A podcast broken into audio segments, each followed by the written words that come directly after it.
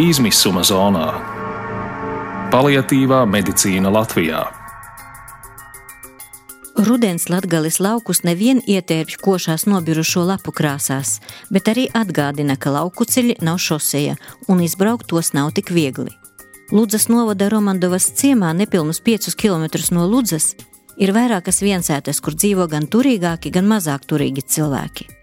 Pusagravušas neapdzīvotas ēkas un turpat blakus liela dzīvojamā māja, pie kuras aplokā ganās gan piena, gan gaļas lopi.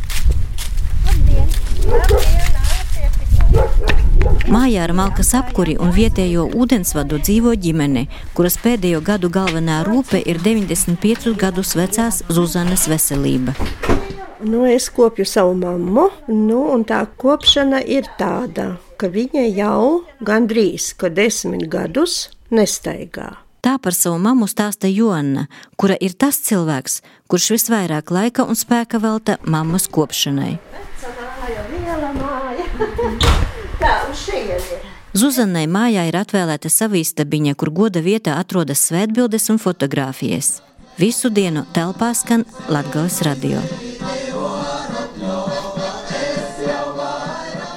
Viņa vēl nu, kādus uh, gadus, septiņus atpakaļ, laikam, varētu vēl iet viņa uz toleti. Ja?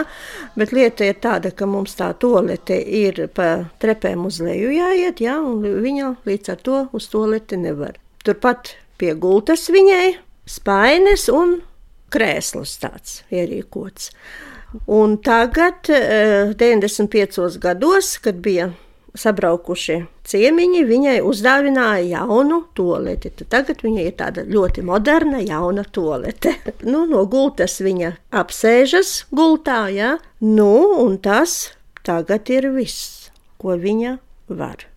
Nē, nu, vēl uh, vasarā viņa uz rudens pusi man lobīja pupiņas, to viņa tā var, jā. Nu, bet viss pārējais tā tad ir manā ziņā. Latgales laukos nereti par valsts un pašvaldības atbalstu vecu cilvēku palietīvai aprūpē. Tuvinieki pat neinteresējas, pieņemot, ka savi slimie un nespējnieki katrai ģimenei jāaprūpē pašai, lai arī ko tas maksātu. Pati Joanna vēl ir pirmspensijas vecuma sieviete, kura pirms trim gadiem atstājusi algotu darbu skolā. Es uzcienāšu ar kafiju. Labi? No sava darba es esmu aizgājusi, ja? es tagad dzīvoju mājās, kā saka, nu, viss tikai mamma ir veltīts. Es esmu aizgājusi savas veselības dēļ, ja? no trīs gadiem es jau esmu mājās, bet es sapratu to, ja es tad nebūtu aizgājis, tad tagad es tiešām būtu spiest aiziet mammas dēļ no darba aiziešana no darba. Jūs taču cilvēks vēl nu, līdz pensijai jums vēl ļoti tālu. Kā izdzīvot? Nu, finansiāli jā, jo mamma nu, visu laiku ir saņēmusi tā 230 eiro. Tad pakāpeniski jau bija 250, nu, tā kaut kā ir cēlies tas, un tagad pēdējo reizi viņa 310 ir saņēmusi. Ja? Es esmu uz arotgrupas, nu, tāda ir naudiņa. Jona atzīstas, ka veca cilvēka kopšana ir gan fiziski, gan arī morāli smags darbs. Taču arī novada sociālajā dienestā Jona nav vērsusies, un varbūt tāpēc par iespējamo palīdzību no valsts puses viņai informācijas nav daudz. Es nezinu, es laikam esmu ļoti, ļoti tāda vecmodīga. Nu, te eh, man ieteica cilvēki, ka vajadzēja varbūt noformēt kā asistentus, jā, vai vēl kaut kā to. Bet mana mamma teica tā, es jau 40 gadus dzīvoju uz valsts rēķina, un vēl kaut kādu papildus naudu vai kaut kādu papildus cilvēku, kuri nāktu pie manis, es negribētu. Man ir meita, man ir mazdēli. Mūsu ģimenē tā ir pieņemts, ka jaunākie uztur savus vecākus. Un to mamma teica. A, kā Jā. jūs jūtaties? Nu, Es pateikšu tā, ka līdz vasarai mēs tikām ļoti labi galā, kā saka, visu, ko vajadzēja, to mēs, kā saka, izdarām. Bet vat vasarā, tad, kad viņa nokrita pirmo reizi, jā, tad viņa kaut kā ļoti izmainījās. Un tagad, piemēram, uz toleti viņa viena neiet. Ja? Kaut tur tolete turpat, tāpat arī podiņš mums ir. Viņa sauc palīgos mani, nu, pa naktī tagad vat, pēdējās, kā saka, nu, nu, nedēļas var pateikt, ja? ka mēs ceļamies ar mazdēlu viņas pa četrām reizēm un ejam pa nakti. Vai sociālais dienas vispār zina, ka jums ir tāds cilvēks? Nu, zināta jau zina. es tā domāju, ja jau pagastā zina, nu tad jau sociālajiem būtu jāzina. Zināšana ir vai ir palīdzība? Nē, nu, palī vispār palīdzība nav nekad lūgta, jā, kā tāda. Tāpēc, nu, nu nav, nav.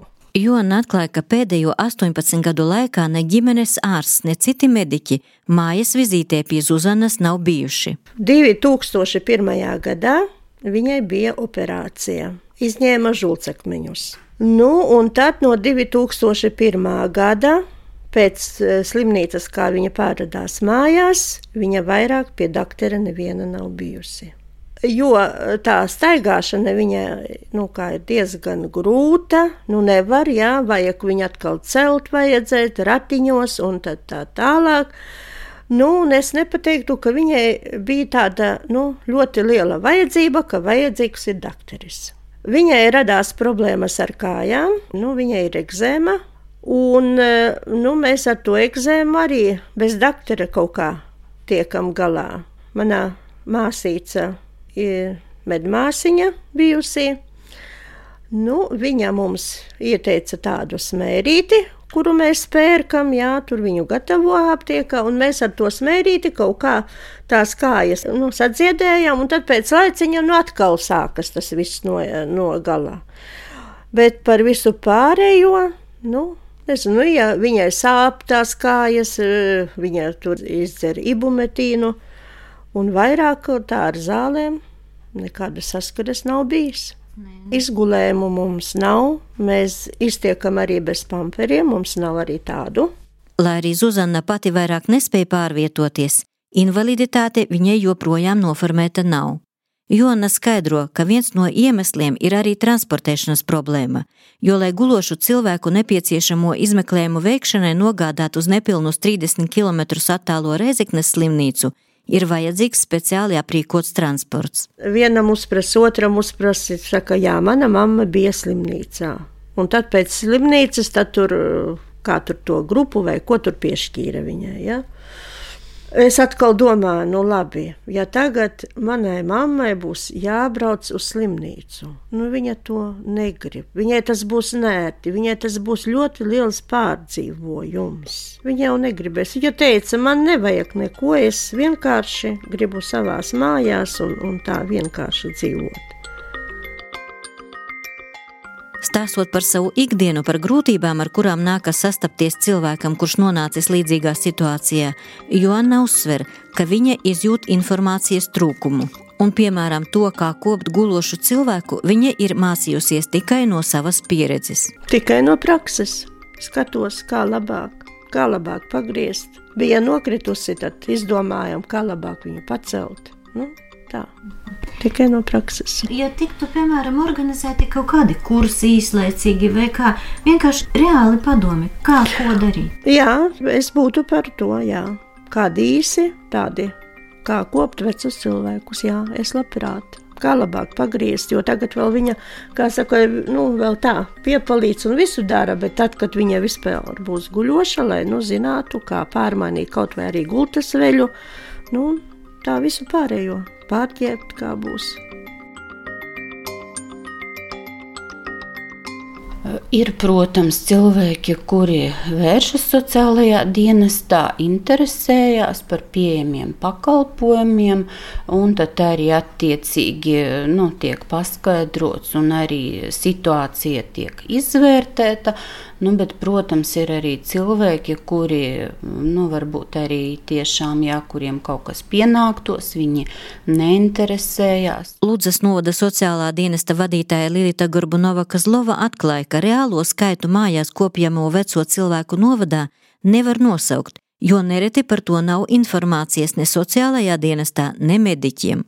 Iemesli tam esot dažādi. Nu, nērti jūtās, nu, nepatīk nākt uz iestādēm, un nu, varbūt nepatīk būt par lūdzēju. Tā. Sociālā dienesta vadītāja atzīst, ka dienestam nav speciāli aprīkota transporta, un gulošu slimnieku transportēšana uz medicīnas iestādi ir problēma. taču to iespējams risināt. Mūsu novadā, kas eh, ir pašvaldības transports pie ilgstošās sociālās aprūpes Ludzā, ir transports, kas paredzēts ratiņniekiem, ja? bet eh, tas nav paredzēts eh, gulošā pacienta transportēšanai. Jā, it kā nu, bija vairākas arī pārunas ar vadību. Varbūt mums nav ikdienā un katru dienu šādi gadījumi, bet nu, tādas vajadzības ir. Un, protams, arī, kad, nu, kā jau iepriekš runājām par to sadarbību ar medikiem, kā arī gulošos cilvēkus, nu, arī mums prasa un ir jāpārvet.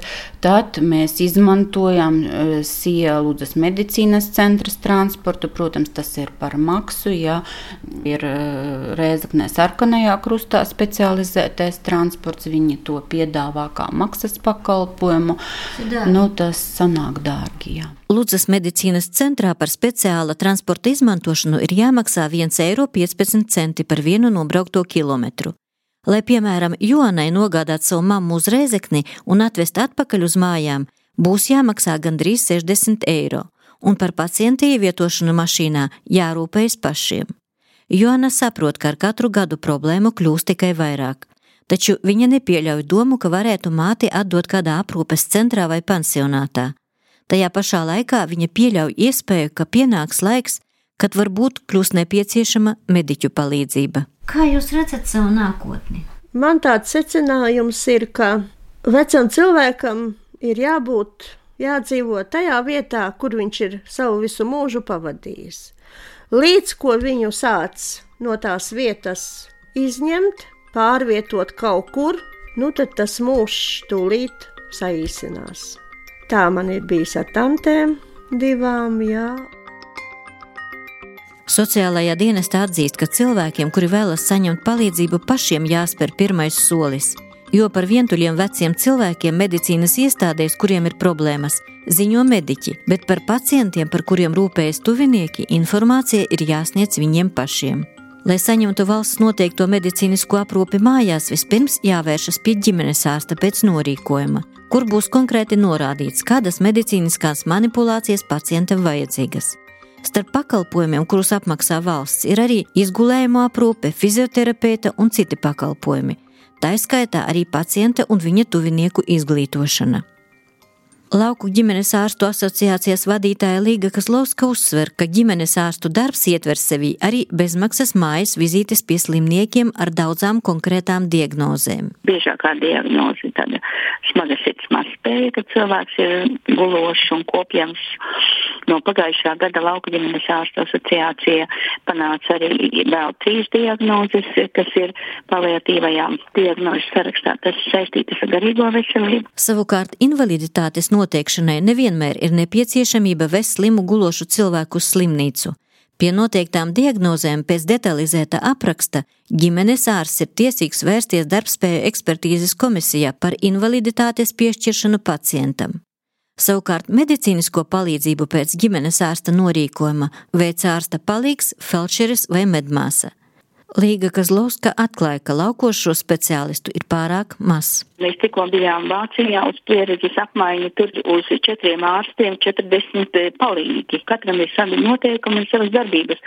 Mums tas jādara, man ir divi palīgi, piemēram, liela prakse un viens registrators. Ja, un tad tie palīgi dabiski nav pietiekami. Un mēs lauka asociācijā arī tieši to vēlamies un aicinām veselības ministriju un, un pēdējās sarunās arī to īpaši akcentējām, ka mums šī komanda ir nepieciešams uz 1500 reģistrētiem paplašināt. Pagājušā gadā stacionāro paliatīvo aprūpi saņēma ap 1900 pacienti. Precīzi pateikt, cik vecu cilvēku saņem paliatīvo aprūpi mājās, nosaukt nevar kaut vien tāpēc, ka nereti par mājās kopjamu sirmgalvi netiek ziņos ne sociālajiem dienestam, ne mediķiem. Šādos gadījumos to, kā labāk sev un savam tuviniekam, lem paši aprūpējamie un aprūpētāji, kuriem nevienmēr pietiek zināšanu, informācijas un prasmju, bet ir milzīga vēlēšanās būt ar saviem mīļajiem līdz galam. Šo īstenības izteiksmi veidoju es Ivete Čigāni, Latvijas radio studijā Latgalē. Izmisuma zonā Paliatīvā medicīna Latvijā.